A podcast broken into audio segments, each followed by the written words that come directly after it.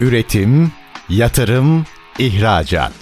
Üreten Türkiye'nin radyosu Endüstri Radyo sizin bulunduğunuz her yerde. Endüstri Radyo'yu arabada, bilgisayarda ve cep telefonunuzdan her yerde dinleyebilirsiniz. Endüstri Radyo.com Çetin Ünsal'ın hazırlayıp sunduğu İşte Bunu Konuşalım programı başlıyor. İşte bunu konuşalımdan merhabalar. Türkiye'nin gerçek gündeminde birlikteyiz efendim. Bugün online konuşacağız ama farklı bir açıdan konuşacağız. Türkiye'nin en önemli hatta dünyanın belki de en popüler sektörlerinden biri nedir? Tekstil. Herkes bir şekilde giyiniyor. İşin içine moda giriyor, marka giriyor vesaire bir sürü unsur diyor. İşin e-ticaretiyle birlikte farklı bir boyuta geldi. Pandemi öncesi sonrası kırılmalar var ama bir dünyada da bir tasarruf eğilimi var. Sadece bizde değil dünyada herkes frene bastı. Bütün bunlar yükselen bir trend olan e-ticaret tarafını nasıl etkiliyor açıkçası açıkçası merak halindeyim. Tekstil perakende sektöründe perakende online ilişkisini konuşacağız. Tabi sadece satışlarıyla değil oradaki gelişmelerle vesaire hepsiyle bakacağız. Kıymetli bir konumuz var. Superdry Türkiye Müdürü Eda Togan. Bugün işte bunu konuşalım konu. Sayın Togan hoş geldiniz efendim. Merhabalar teşekkür ederim davet için. Ben teşekkür ediyorum. Tekstil perakende sanıyorum herkesin en temas ettiği alanlardan biri. Baktığınızda aşama aşama çok büyük kırılmalar yaşandı. Yani pandeminin öncesi, pandeminin sırası, sonrası derken geldik enflasyon enflasyonist bir ortam. Dünyada evet. hepsine baktığınızda şöyle öncesi sonrası ve bugün geldiğimizde minik bir fotoğraf çekelim mi önce? Evet bir hatırlatma yapmak gerekirse daha önce birkaç yayında da buluştuk sizle. Özellikle Ukrayna krizi diyelim. Savaş. Rusya-Ukrayna. Evet Rusya-Ukrayna krizinden sonra çok ciddi bir enflasyon sorunuyla karşılaşan bir Avrupa bir Amerika. Daha önce hiç karşılaşmadıkları rakamlar işte ikili hanelere giden enflasyon onlarla baş edebilmek için çok hızlı alınan Faiz önlem kararları. paketleri. Evet o konuları siz daha iyi biliyorsunuz yayınlarınızdan. Bunun da etkisinin tüketiciye yansımasında hemen kemerleri sıkma. Hatta şu kıyaslamayı da yapmıştık. Türklerde bu çok daha sonra geliyor. Belki de gelemiyor bile. Ama Avrupalı hemen endişeye kapılıp ilk satın almada kendine ihtiyaç görmediği şey ne oluyor? Giyinmek. Çünkü Öteliyor. artık evet birinci ihtiyacı, ikinci, üçüncü değil aslında altı, yedinci ihtiyaçlara gidiyor. Onun önüne daha çok gıda geliyor, sağlık geliyor. Bunlar hep endişeye kaynaklı olan biraz da değişen rakamlar diyelim. Bunun sonrasında ne oluyor? Bu enflasyonla baş edebilmek için özellikle kış dönemine de geldi. O savaşın etkileri doğalgaz alabilecek miyiz, alamayacak mıyız? Sonra doğalgaz faturalarında artışlar oldu. Birey bazında konuşuyorum perakende tabii, derken. Tabii, tabii. E, öyle olunca doğalgaz faturasını düşünen adam aslında alışveriş yapmayı da kesti doğal bir olarak. Bir geldi. Bir dursun. Bir bakalım buna ihtiyacım yoksa almayayım. Şimdi bir bakalım Türkiye'de bir bakalım olmuyor. Fiyatlar yarın nasıl olsa artacak diye bugün daha çok satın alma oldu. O bir anlık bir şişme etkisi yaratıyor ama sonraki yani bir bütündeki düşüş maalesef düşüş Aslında olarak talebi yansıdı. öne çekiyor. Evet biraz öyle oluyor ama o talep de suni. O yüzden hani bir bütüne baktığında yılın genelinde büyümemişsin aslında küçülmüşsün. Doğru. Bir önceki yayınımızda olmuştur herhalde bir 6-7 ay. Neyi Geçen konuştuk? Geçen sene bu zamanda Ramazan'ın ilk günüydü. Aa, evet doğru aynen. aynen Reklam arasında oldu. oruç açmıştınız. Burada. Evet evet doğru söylüyorsunuz. O dönemde yani perakende sektöründeki küçülmeden bahsetmiştik. O mecburi küçülme globalde %20 %25'lerde konuşuluyordu. Ama online dediğimiz e-ticaret hala yükselişe devam ediyordu o dönemde. Çünkü insanlar bir geçiş sağlayıp mağaza alışverişlerindense daha uygun fiyata internetten satın alma yoluna gitmişti. Niye daha uygun fiyata? Çünkü insanların satın alma iştahını artırmak için oturdukları yerlerden evden çıkmıyor artık. Para harcamak da istemiyor. Ama orayı biraz daha ateşleyecek kampanyalar, ardı arkası kesilmeyen kampanyalar olmuştu. Ama bugün geldiğimiz yerde online'ın genel olarak düştüğünü görüyoruz 2023 yılında. Hani sürekli tırmanan hiç duruşu olmayacak falan dediğiniz yerde Ama %4'ün paralel düştü yani. E tabi zaten global bu söylediğim evet. rakam zaten sadece Türkiye'ye özel hayır, bir şey, şey değil. Kastettiğim online bitti gibi algılanmasın. Hayır hayır. Dünya ekonomisi durduğu için online'da durdu. Tabii ki şimdi biz hani konuşuruz yine. Önce biz gelişmelerin negatif yanlarını konuşuyor gibi olacağız ama ondan sonra her bir negatifliğin içerisinde de bir pozitiflik bulmamız Açacağız gerekiyor. Tabii, tabii. O yüzden şu anki gerçek ama evet %4.3 globalde 2023'ün ilk 7 ayındaki küçülme rakamı bu söylediğimiz e-ticarette. Ama e-ticareti kendi içerisinde bölelim, sınıflandıralım. Hazır giyimde bu düşüşü daha fazla görüyoruz ama kişisel bakımda artıyor. O yüzden hani e-ticaret globalde düşüyor gözükmesine rağmen içindeki bazı sektörler para kazanmaya ve o fırsatları çok iyi değerlendirmeye devam ediyor. Kişisel bakım biliyorsunuz savaş şeyidir. Savaşlarda Öyle. Dünya Hemen harekete geçiyor değil mi? evet. O ve psikolojik bir olaymış. Rakamları da gerçekten yansıyor. Kişisel bakım. Sonra servis sektörü daha çok artan oranlar gösteriyor ama maalesef hazır giyim düşüş gösteren tarafta. Peki şimdi burada birazcık açalım. Tabii ülke ülke fark ediyor. Onun altını çizeyim. Ama Avrupa pazarından bahsedersek özellikle Türkiye'yi biraz özel mercek diyeceğim. Ama Avrupa pazarında şöyle bir durum yok. Mesela paraları yok ve o yüzden harcayamıyorlar değil. Avrupa tüketicisinin bir şeyi var. Artık buna finansal okuryazarlık mı dersiniz? Erken frene basmak mı dersiniz? Parası olduğu halde bir durayım şimdi. Yani tasarruf eğilimi çok gelişmiş bir yapısı var. Avrupa derken buna İngiltere vesaire hepsi dahil. Yani cebinde parası var. Çünkü pandemide para da kondu. Buna rağmen bekliyor. Tam bu aşamada işte strateji burada başlar. Bir firma ne yaparsa buradayım der o tüketiciye. Evet. Avrupa tüketicisinin eğilimi aslında korkudan geliyor. Hı hı. Bilinçli tabii ki daha bilinçli eğitim, kültür vesaire olarak ama temelde o çift haneli rakamlarla enflasyon olmayan bir ülkede yüzyıllardır yaşadıktan sonra sen kalkıp yüzde onu gördükten sonra feleğin şaşar derler ya. Tabii, tabii. Gerçekten de o korkuyla hemen frene basıyor. Bütün Avrupa'nın genelinde var bu işin aslı. Ayrıştırıcı olmak giderek de tabii zorlaşıyor ama zeki olmak gerekiyor beraberinde. Neden diyeceksiniz? Çünkü perakende de bir fiyat artışı olacak mı olmayacak mı tartışması yaşadığımız bir dönem geçirdik bütün fiyatlar artıyor ama o fiyatlar artarsa satın alma ne yönde etkilenir? Ama fiyatlar neticede arttı. Maliyet çünkü. Tabii perakende sektörüne baktığınızda %80'e yakını her ürün grubunda olmasa bile belli gruplarda ya da hepsinde bir şekilde fiyat artımına gitti. Fiyat artımına gitmeyen markalar oldu, perakendeciler oldu. Onlar da ne yaptı? Absorbe etmek zorunda kaldı ara farkı. O zaman da karlılık düştü. Tabii. Şimdi bu döngünün içerisinde bir, bir kısır döngü var. Artıracağım, müşteri kaybedeceğim. Ben absorbe edeceğim o zaman karlılığımdan vereceğim ve uzun vadede vadede aslında ben krize gireceğim. Bir sermayesini yiyor. Tabii sermayesi tabii. Bu da ne oluyor? Cash problemi dediğimiz işte sıcak para sıkıntısına düşürüyor seni. Çünkü sat, satmadığın ürünün ödemesini erken yapmaya başlıyorsun. Şimdi nerede zeki olmak gerekiyor dediğimiz zaman e-ticarette öncelikli olarak bu yapay zekayı hayatımıza alacağımız bir döneme giriyoruz. 2024 gerçekten herkesin kendi satış kanallarını tekrar gözden geçirdiği bir dönem olmalı. Niye diyeceksiniz? Sen satış yapıyorsun Türkiye'de Türkçe web sitesinde ve diyorsun ki bütün dünya beni görsün ve satın alsın. Ben giriyorum bir İngiliz olarak. Her şey Türkçe. Senin satış profilin, ödeme koşulların, iade koşulların, ürünün çok güzel ama altında yazan TL'nin ne olduğunu bile bilmiyor Hayatta kendi karşında. diliyorum tabii hemen. Aynen. O zaman nasıl satışını artıracaksın? Nasıl uluslararası sahalarda satma arzusuyla yola çıkıyorsun? İşte bunların cevapları biraz daha aktif olarak hayata geçmesi gerekecek. Her şeyden önce web sitenizin sadece Türkçe olarak yapmamalısınız. Bir. en önemlisi bu. İkincisi bu benim kendi deyimim. O yüzden e, reklama girmez herhalde. Amazonlaşmak diye bir şey diyorum. Yani Amazon'un yapmış olduğu o global satış kanalı oluşturmak internet üzerinden aslında bizim de yapmamız gereken şey. Çünkü Modeli siz, kastediyorsunuz Tabii tabii model. Yani neyi yaptın aslında bir şemsiyenin altına bir sürü markayı topladı. Kendi markasını da satıyor ama sadece kendi markam sadece ben böyle özel satış yapacağım kendi kanalımdan satacağım demedi. Kendi kanalına bir sürü markayı da topladı. Bu ne anlama geliyor? Eğer siz global sahada pek çok yere ulaşmak, lokalde bile kendi web sitenizin ulaşamadığı dataya sahip olan yerlere ulaşmak için bu multi channel dediğimiz çok kanallı satış platformlarına dahil olmanız gerekecek. Orada bir şeyi açmanızı rica edeceğim ama minik bir araya gideceğim. Tamam. Aranın ardından. Şimdi konuştuğumuz e-ticaret uzmanları da herkesin birden kendi kişisel weblerine yöneldiğine bahsediyor. Bu bahsettiğiniz aslında tam tersi ve çok dikkatli olunması gereken bir şey. Bunu nasıl yapmak lazım? Bunu biraz açmanızı rica edeceğim. Bu sektörel şemsiyeler mi olur? En çok yaygınlığı olan firmanın altına girmek mi olur bilmiyorum. Onun yanıtını tabii, az tabii, sonra alacağım. Tabii. Minik bir ara. Aranın ardından Superdry Türkiye Müdürü Eda Togan'la sohbetimiz devam edecek. Lütfen bizden ayrılmayın. Üretim, yatırım, ihracat. Üreten Türkiye'nin radyosu Endüstri Radyo sizin bulunduğunuz her yerde. Endüstri Radyo'yu arabada, bilgisayarda ve cep telefonunuzdan her yerde dinleyebilirsiniz. Endüstri Radyo.com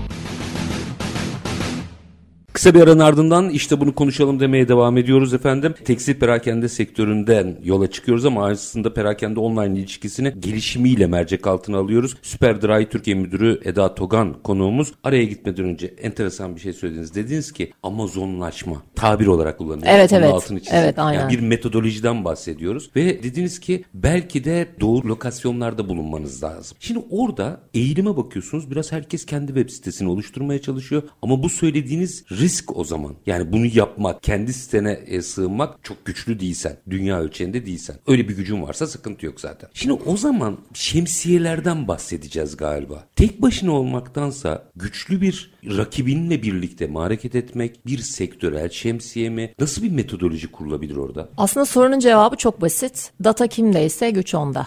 Oo süper. o yüzden kendine olup web sitesinde satış yapmak data sendeyse hiç sorun değil. Kendi web siten üzerinden çalışabilirsin. Ama ulaşabileceğin data çok limite. O da senin web sitene ziyarete gelen kişi sayısı kadarsa ve sen de herhangi bir geçmişe sahip değilsen data anlamında online'da 300 kişi mi seni ziyaret etti? İşte o kadarın ne kadarını satışa dönüştürebileceğine bakarsın. O zaman o hayat çok zor tabii ki. Tabii. Ne oluyor genelde? O 80-20 kuralı işliyor. 100 kişi ziyaret ediyor. 20'si bir şey beğeniyor. Sepete atıyor ama 3 tanesi satın almayı tamamlıyor. E o Dönmez zaman ki. e tabi nasıl dönsün zaten? İşte o zaman kendi web sitene yönlendiriliyor olmanın bir takım arka planlarında destekçileri olması gerekiyor. Şu anlamda çok önemli. Bir, ben kurumsal bir markayım. Kurumsal algıyı verebilmek için bir web sitenin olması çok önemli. Ürünlerini orada tanıtabiliyor olman gerekir. Ama web sitesi aslında daha çok bu datan yoksa, tırnak içerisinde Tırnak söylüyorum onu. O zaman ne olacak? Toptancıya hitap edeceksin. Yani seni web sitenden bulacak, seninle iletişime geçecek, ürünlerini orada bir değerlendirecek ve toptancı profillerine yakın olacaksın. E, o olabilir. Ya da ne olacak? Senin mağaza satışın olacak ama sen web sitende ürünlerini koyacaksın, fiyatlarını koyacaksın ama mağazana gelecek deneyim için müşteri ve orada satın alma yapacak. Datan yoksa bunları yapabilirsin. Ama datan varsa okey kendi web siteni istediğin gibi kullan. Oraya başkalarını da al. Sen bir şemsiye ol hatta çünkü burada artık data çalışıyor. Yani parayla olmuyor bu iş. Değil. Datayla oluyor. Yani datayı satın alabiliyorsun. O ayrı o.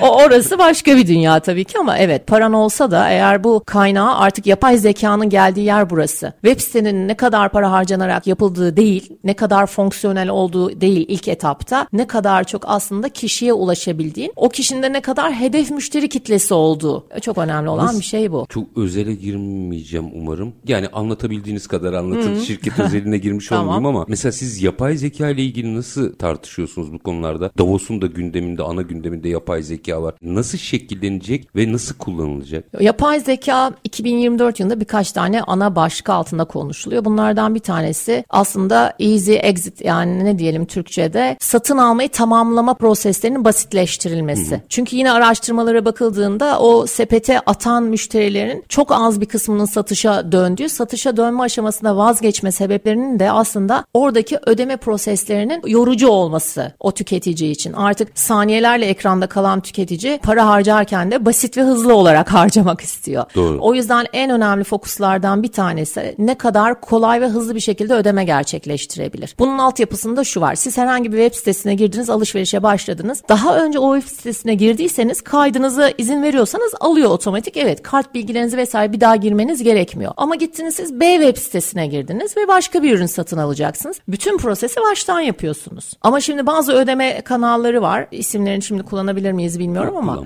Evet mesela onlarda sizi altyapınıza kaydediyor bir kere ve güven veriyor. Bir Dijital güven. ödemelerden Tabii dijital ödemeler. Bu dijital ödeme kanallarına sahip olan her web sitesinde satış noktasına geldiğinizde tekrar herhangi bir bilgi gir, veri gir, kredi kartı bilgini gir, arkadaki güvenlik kodu bunların hiçbiri yok. Bir kere hayatınızdaki 10 dakikanızı kolaylaştırıyor her şeyden önce. Tıklıyorsunuz ve satın alma gerçekleşiyor. Saniyeler konuşuluyor Tabii ki. e-ticarette. En önemlisi işte sepetten sonra neden satışa dönmüyor soru işaretinin en büyük aslında çözümlerinden bir tanesi hızlı ve kolay ödeme seçeneğinin Yani gelmesi. ben e, müşteri oraya geldiğinde onu prosedürle oyalamamam gerekiyor. Evet zaten oyalayamıyorsun da. Çünkü öde almıyor. Bittin. Oraya kadar taşıdın. Ürünün güzeldi demek. Web siten çekiciydi. Bulunduğun kanal okeydi. Her şey tamamlandı. Satışa artık pakete koydu onu. Ya ödemesi lazım.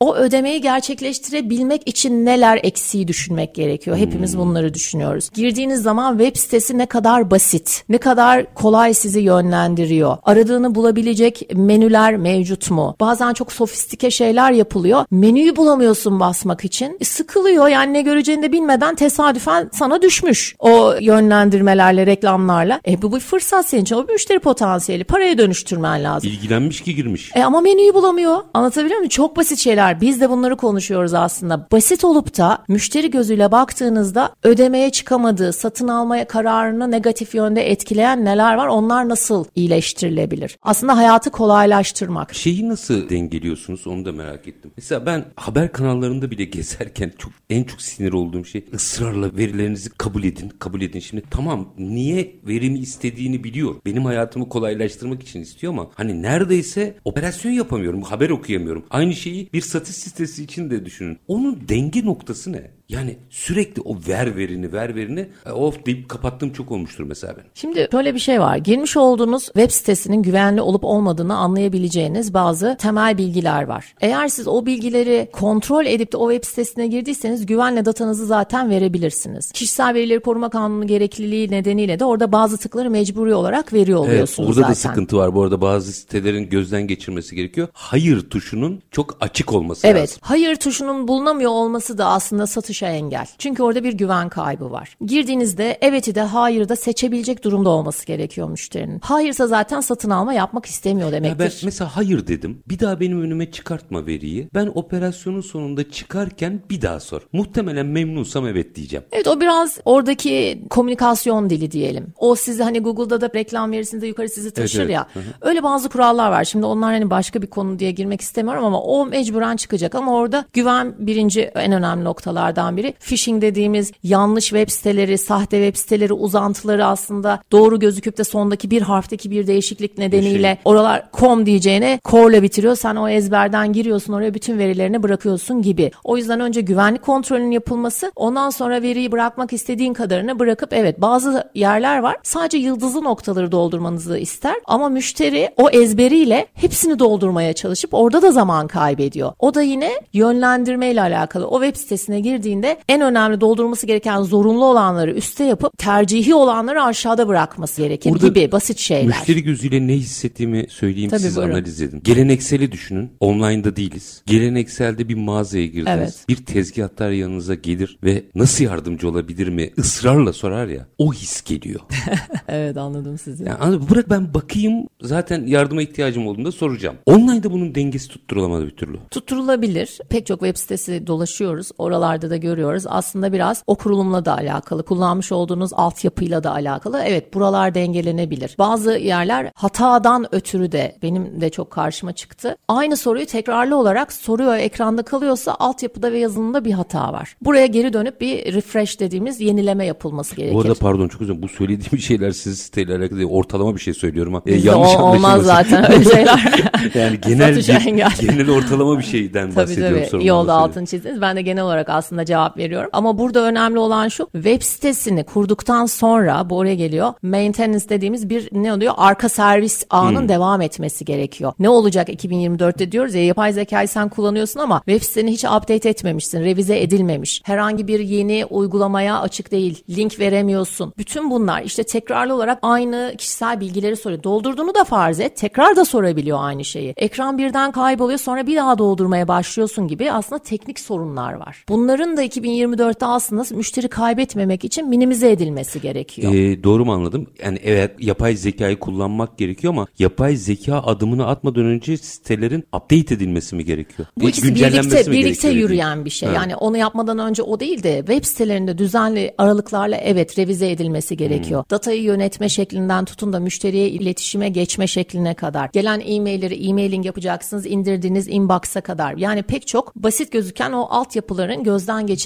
şart. Sonrasında yapay zekanın sınırı ne? Yani perakende ve online ilişkisi açısından soruyorum. Nerede nasıl kullanması gerekir firmanın? Şimdi iki tane önemli nokta var. İlkini zaten şimdi konuştuk ama iki tane daha söyleyeceğim. Bir tanesi bir sonraki aşama dediğimiz sesli yönlendirme ve aslında yanınıza bir satış elemanından destek alıyormuşsunuz gibi dijital olarak o desteği alma. Şu anlama geliyor. Siz bir yere tıkladınız bir model gördünüz. Hemen onun diğer renklerini size sesli olarak söylüyor olması. Hmm, Bu modelin kırmızı, beyaz ve yeşili de var. Alttaki butona bas. İşte çok güzel bir şey. Çünkü o karmaşanın içerisinde sesi duyduğu zaman ses tarafından yönlenmeyi herkes tercih Öncelikle eder. Öncelikle algı olur. E tabii ki. Şimdi bu aynı zamanda da neye geliyor? Sizin ihtiyaçlarınızı karşılayacak. Bunda stokta var, stokta yok. Sizi biz iki gün sonra haberdar edelim gibi böyle basit otomatik şeylerin aslında yapay zeka tarafından çok kolay yapılabiliyor olması gerekiyor. Sesli yönlendirmeler de aslında insanda daha çok güven uyandırıyor. Siz biliyorum bunu daha önce de konuştuğumuz için aslında belli başta özellikle global şirketlerin çoğu yapay zekayı uzun zamandır kullanıyor. Yapay zeka versiyonları. Evet. Üretken yapay zeka neyi değiştirecek burada? Üretken yapay zekadan kastınız Yani nedir? işte GPT'lerden bahsediyorum. Ha, evet. Onlar dahil olduğunda ne değişecek mesela bu işin perakende tarafında? Şimdi orası biraz karıştı işin aslı. ChatGPT'nin kendisinde de bir takım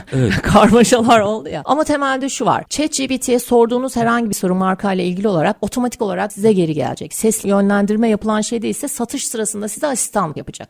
Aradaki fark bu. Evet ikisi arasında böyle önemli bir fark var. ChatGPT aynı zamanda şu an daha çok araştırma, bilgi edinme ya da paragraf oluşturma, essay oluşturma vesairelerde daha çok kullanılır gibi lanse ediliyor. Perakende sektörü için, bireyseller için. Ama biraz daha geniş düşündüğümüzde aslında bütün üretim kanallarının yönetiminde de ChatGPT kullanılır hale gelecek. Ya bilmiyorum katılır mısınız ama arama motorunda nasıl bazıları öne çıkıyor. Oralarda da bu işler olacak belli. O, o zaten önce o olacak. Değil mi? Yani. Bize kadar gelmeden Konu önce. Ticari yani Evet aslında. evet. Çünkü şunu söyleyecektim. Aslında o ikisi de ilintili. Yapay zekanın en önemli üçüncü noktası da fayda sağlayacak tarafı. Nokta neresi dediniz ya. Bir kere stok yönetiminizi artık siz kendiniz geçmişteki verilerinize göre değil de müşteri kitlenizin o oluşturduğunuz artık datanın size gelen ziyaret edenin ilgisi, zaman harcadığı, ürün üzerinde kalma süresi, sepete attığı almadığı her neyse bütün bunları okuyan bir yapay zeka size bir sonuç verecek. Diyecek ki sen artık bu kırmızı bluzu satıyor zannetme kendini. Çünkü her yıl öyle zannederek stok yapıyorsun ama o en az satan ürünün diyecek. Boşuna finansman ayırma oraya. Boşuna finansman ayırma, üretim maliyeti yapacaksın ama ondan sonra da onu satamadığın için stokta kalacak. Stok Stok, maliyeti maliyeti. E sonra bu nedir? Çöp. Çünkü götürecek Atık yerini yönetimi. aynen işte ne oluyor? Çevresel geri dönüşüm vesaire buralarda sen artık 3 puan 5 puan öne geçmek zorunda olduğun bir dünyadasın. Yapay zekayı kullanmanın işte böyle bir avantajı olacak. Neticede ne olacak? Karlılık artacak. Bütün mesele bu zaten. Bunu kullanmanın zaten başka yolu yok. Çünkü artık her şeyi yaptık. Çok iyi üretiyoruz. Otomizasyona geçtik. Fabrikalar akıllı fabrikalar. Ama ben hala elimdeki datayı okuyamıyorsam onu da ben kendim zaten insan gücüyle o hızla zaten okuyamayacağım. O dataları değerlendirmek için 10-15 kişilik ekipler oluşturuyorsam eğer maliyetim zaten artıyor. Onu da oluşturma sürem, okuma sürem, hayata geçirme sürem zaten bir yılda herhalde bunu kaybediyorum. Yapay zeka bunu bize çok hızlı bir şekilde yapar hale gelecek. Biz hayatımıza aldığımızda gelecek. Zaten yapıyor. Tabii, Ama tabii. biz hayatımıza alacak mıyız? İşte orada başlıyor Tartışma orada başlıyor. Ama gözüken o ki doğru kullanıldığında çok ciddi bir verimliliği getirecek. Evet. Ve aslında ciddi firmaların çoğu da bunun araştırması içerisinde. Evet. Sadece verdiğiniz kırmızı örneği rastgele kırmızı sarı neyse. Evet, aynen, o başka bir şey, Neyse evet. yani o rastgele Ya da şey. şunu da söyleyecek. Sürekli olarak gelip sende şuna benzer bir ürün arıyor ama sende yok. Ha bunu, buna dikkat et. Tabii tabii yani bunu üret. Çünkü sende olmayan bir ürüne talep için sana geliyor. Onu alırken bunu da alabilir gibi o verileri okuyabilen bir sisteme ihtiyacınız olacak. Veri okumayı Nefis. gerçekleştireceksiniz. Şimdi birazcık daha detaylandıracağız. Minik bir araya gideceğim. Aranın ardından şimdi fotoğrafı çektik ya. Kıt dönem, paranın kıt dönemi Hmm. olduğu ve tüketicinin de nispeten daha imtina ederek veya özen göstererek alışveriş yapma eğiliminde olduğu bir yön. Şimdi burada vitrine koyulacak olan ürünlerin stratejisiyle ilgili neler yapılabilir? Onu da biraz konuşmak istiyorum. Yani biraz da durmak yerine galiba burada stratejik olmak gerekiyor. Kırmızı örnek, sarı örnek neyse Evet, evet. iyiydi. Ama onu geldikten sonra gelmeden önce bu operasyonları yönetmek mümkün mü? Sırf yapay zeka ile değil. Onu da biraz açmak istiyorum. Kısa bir ara aranın ardından Superdry Türkiye Müdürü Eda Togan'la işte bunu konuşalım diyeceğiz. Lütfen bizden ayrılmayın. Üretim, yatırım, ihracat. Üreten Türkiye'nin radyosu Endüstri Radyo sizin bulunduğunuz her yerde. Endüstri Radyo'yu arabada, bilgisayarda ve cep telefonunuzdan her yerde dinleyebilirsiniz. Endüstri Radyo.com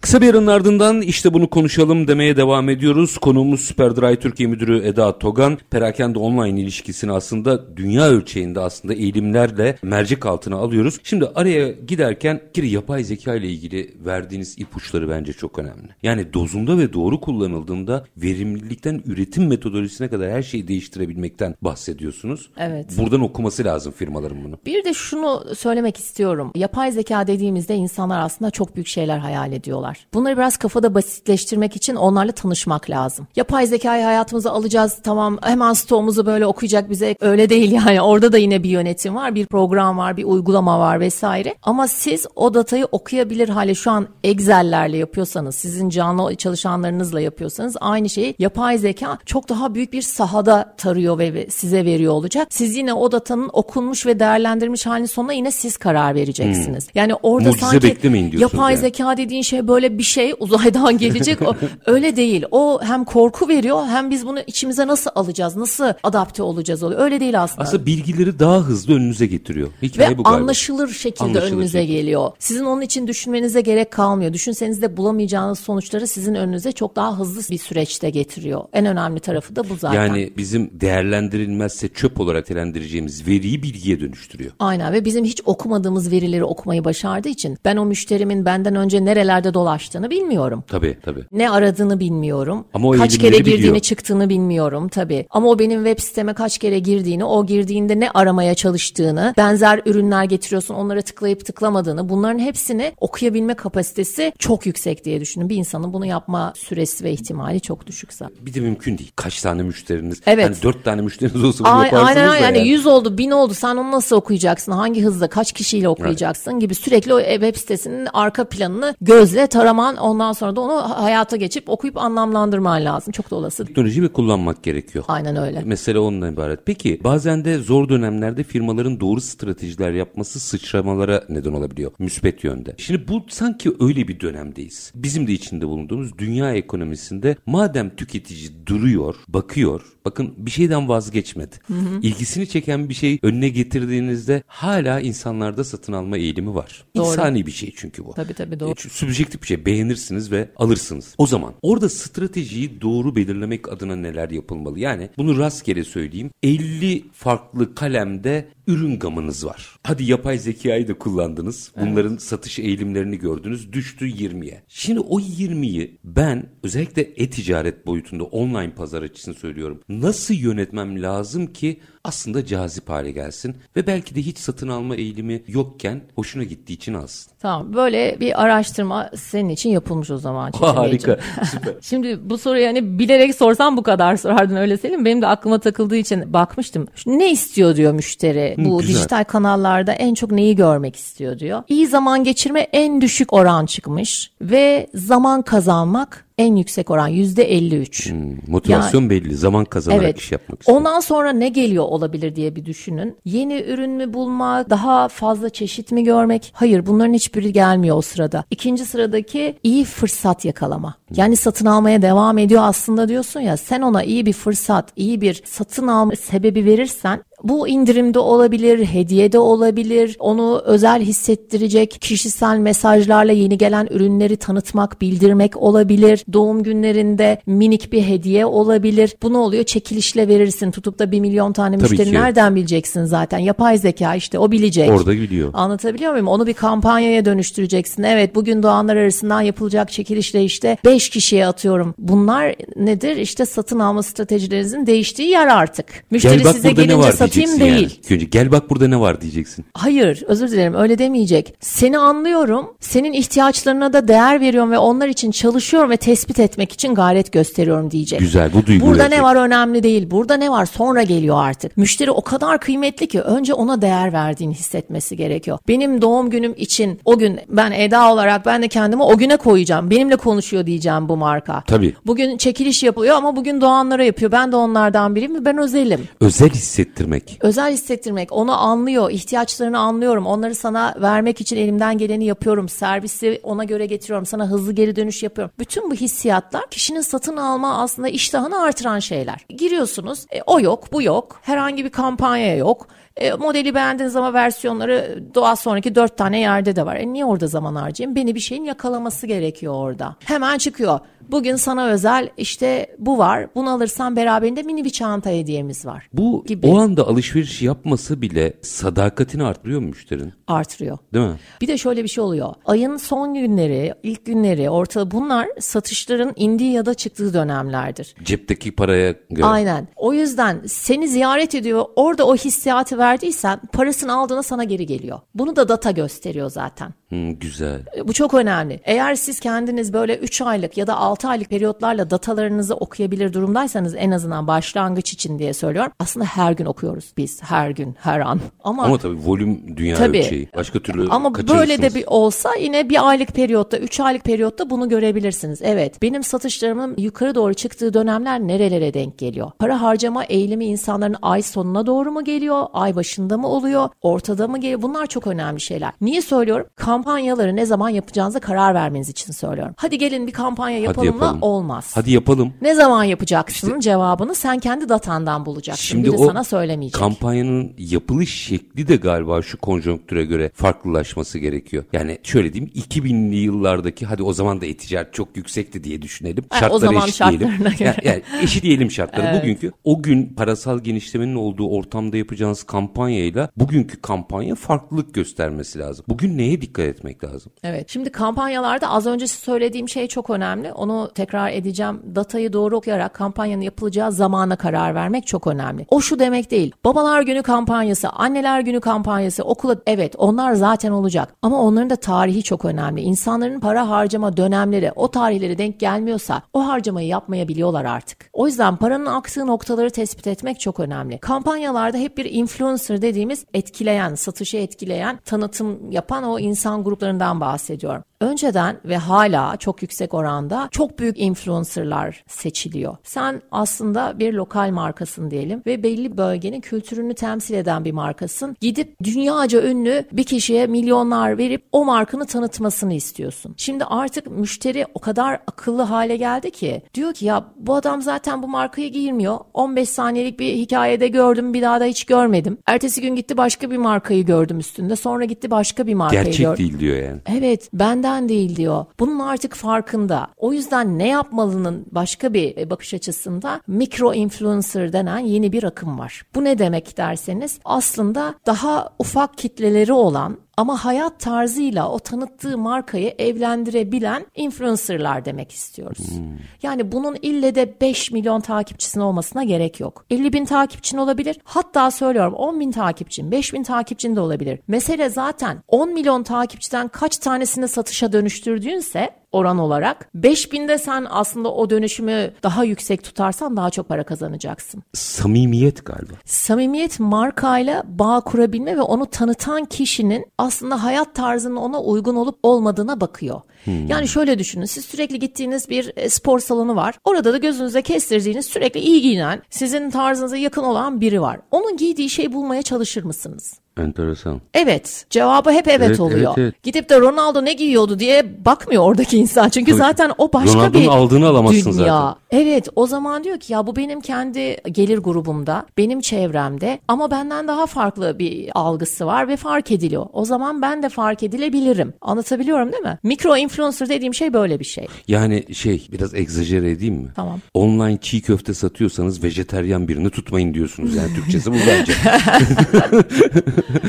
Da evet, güzel bir tanımlama oldu. Doğru söylüyorsunuz. Yani çok ünlü insanlarla yapılan kampanyaların çok başarılı olacağına her zaman inanmayın diyorum. Çünkü orada müşterinizin, sizin kitlenizin kimi takip ettiği, kimi daha samimi bulduğu, o samimi bulduğu kişiyi o kendi çevresinde de görebilecek noktalarda bir ürün mü? Bunlar çok önemli. Çok ünlü markaların tanıtımını herkes yapıyor zaten. Kaç tanesi satın alıyor? Almıyor. Orası bir hayal dünyası oluyor o zaman. Ama ne oluyor derseniz ünlülerle yapılanda bir güven var. Çünkü aa o tanıtırken görmüştüm. Bu ürün eğer tekrar önüne çıkarsa o çağrışımı yapabilir. Evet. Çok büyük markalar evet o işbirliklerini yaptıklarında daha büyük sonuçlar alabilir. Ama siz işinizi büyütmeye çalışıyorsunuz. Daha ufak bir dünyada hareket ediyorsunuz. Henüz uluslararası sahalarda değilsiniz. Dediğim gibi web siteniz zaten öncelikli olarak Türkçe sadece Türkçe anlayanlara satış yapabilir bir noktadasınız. Bir de siz şunu dediniz web sitesi ne yönlendiriyor başka konuşmalarda söyledilerine göre dediniz. Şöyle de bir gerçek var. Rakam diyor ki global satın alma kanallarından satış yapıyorsan oradaki satış oranlarının %3 artış gösterdiğini söylüyor rakamlar. Ama eğer lokal web siteleri üzerinde yani atıyorum sadece Türkiye'de opere eden bir satın alma kanalından bahsedelim. Sizin gibi 20 tane markayı da satıyor olabilir ama oradaki rakamda şunu diyor %2.4 galiba düşüş olmuş o satış Ha, oranında. Demek ki olmuyor. o yani doğru Trend verilen olabilir bir arada olması gerekiyor. Şey değil trend veriler trendi doğrulamıyor. Web sitem zaten şu anlamda olmak zorunda. Sen hangi satış kanalında olursan ol bir yerde sen kendi ürününe yönlendirme yapmak için isteyeceksin. Çünkü satış kanalının da bir maliyeti var sana. Eğer oradan çağrılan müşteri gidecek bir yer bulamazsa evet yine boşta kalırsın. O yüzden web siten kesinlikle olmalı. Ama sadece web sitesinden satarak para kazanacağım, global olacağım o hayal.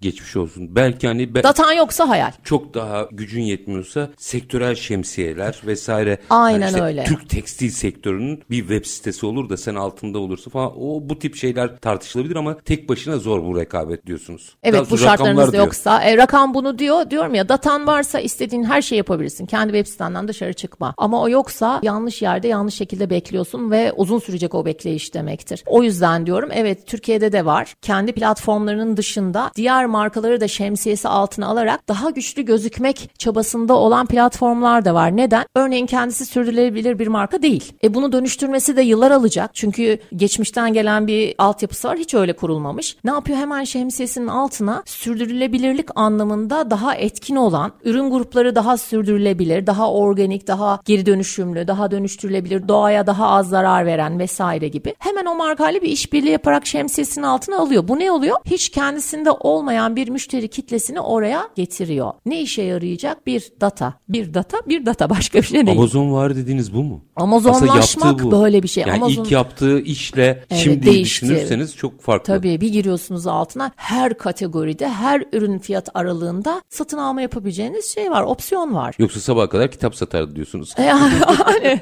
anlatabiliyor muyum? Bu çok önemli bir gerçek. Bunu doğru anlamaları gerektiğini düşünüyorum şahsen. Peki süren bitti ama şey, konuklar ben hiç konuklarıma soru vermem ama galiba konuklar beni iyi tanımış hemen araştırmayla gelmiş. O araştırmada başka Ya bir şey o var. bugün önümde benim görüyorum. başka bir şey için ihtiyacım oldu ve dedim ki Çetin. Bey'le bunu paylaşayım. Biz hani sohbet ederken konuşuyoruz ya ara ara. Bu soruyu sordunuz çok enteresan bir güzel şekilde. gidiyor. Başka dikkat çeken şey var mı programı bitirmeden önce paylaşacağımız orada Ya çok veri? şeyler var ama şu var yine ekonomiyle çok ilişkili bir şey ama en büyük e-ticaret sektörü hangi ülkede deseniz herhalde cevaben Amerika derdi herkes. 10 yıl Amerika bu bayrağı götürdükten sonra Çin devraldı. Hmm.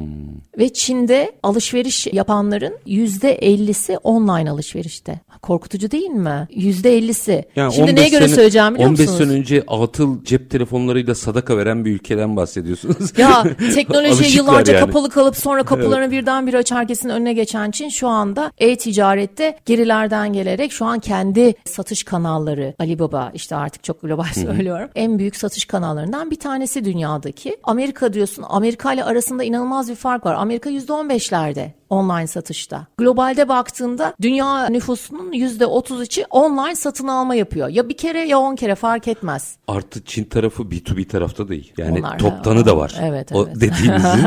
Onlar iyi. Yani evet. hem toptanda hem B2C'de diyeyim enteresan bir şey yaptı. Şimdi bütün bunlar aslında doğru stratejilerle arkadan gelerek dünyada pozisyon alınabileceğini bize kanıtlıyor. Herkes tamam Çin olmayın da hani o çok büyük bir volüm strateji ama siz de kendi sektörünüzde doğru hamleler yaparak öne geçebilirsiniz. Evet. Sözlerinizden bunu anlıyorum. Evet evet özetle çok güzel toparladın. Şu, şu şekilde de söyleyeyim. Başkalarından yardım beklemek yerine aslında etrafımızda ne olup bitiyor konusunda biraz zaman ayırırsak ve dinleme yaparsak aslında orta vadede çok daha hızlı çözüme ulaşabiliriz. Bu konuyu kaçırıyoruz. Şimdi ne yapmalıyız? Şimdi ne yapmalıyız? Kriz var, satış yapamıyoruz, her şey düştü dediğiniz sarmalın içerisinde çözüm yok. İşte biraz bu yapay zekayı öğrenmek için çaba göstermek, ilgili kişilere ulaşmak, yeni yeni sektörler de oluşuyor. İşte yapay zekanın size tanıtılması.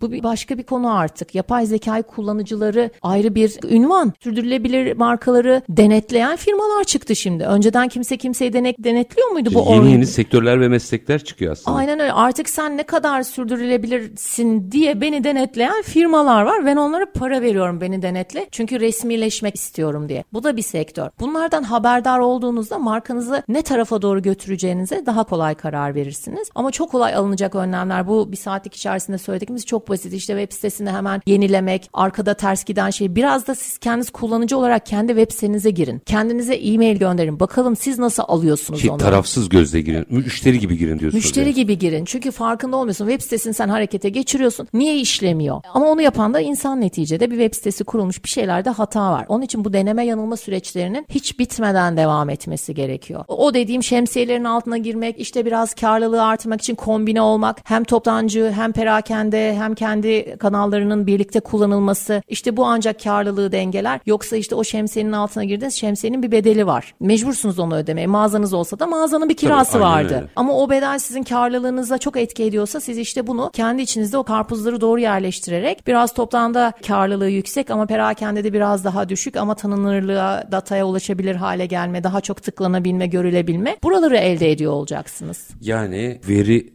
yeni petroldürün kanıtlarını Yani, anlattınız aslında. evet. Yani bu belki 2000'li yılların başında söylenmişti ama bugün kanıtlanan bir gerçek olarak önümüzde. Sayın Togan çok teşekkür ediyorum. Yani daha aslında Ne sizde demek? konuşacak çok şey var. Yine ağırlamak isterim sizi burada. İnşallah, tabii. Ee, zaman yetmiyor sizde genelde konuşmaya ama var olun. Bence çok enteresan bir hem nokta atışı hem de pratik çözümlerle aslında meseleye bakış açısı getirdiniz. Superdry Türkiye Müdürü Eda Togan çok teşekkür ediyorum. Sağ olun, teşekkür ederim. Var olunuz. Efendim biz bugün perakende online ilişkisini konuştuk. Gördüğünüz gibi işin içine yapay zeka giriyor, her şey giriyor, bir sürü teknoloji giriyor. Belki daha şu anda zikretmediğimiz, adını zikretmediğimiz ya da bilmediğimiz bir sürü teknoloji de girecek ama Sayın Togan çok net bir anahtar söyledi. Verin varsa veya işte datan varsa kuvvetlisin. Datanız ne kadar güçlü? Bence ilk bu soruyu sorarak başlayın. Eğer yeterince güçlü değilse hangi güçlü datada yer alırsam sonuç alırımla devam edin. Gerisi sizin stratejiniz, uzmanlarınızla tartışın. Biz detayları Superdry Türkiye Müdürü Eda Togan'la konuştuk. Her zamanki gibi bitirelim. İşinizi konuşun, işinizle konuşun. Sonra gelin işte bunu konuşalım. Hoşçakalın efendim.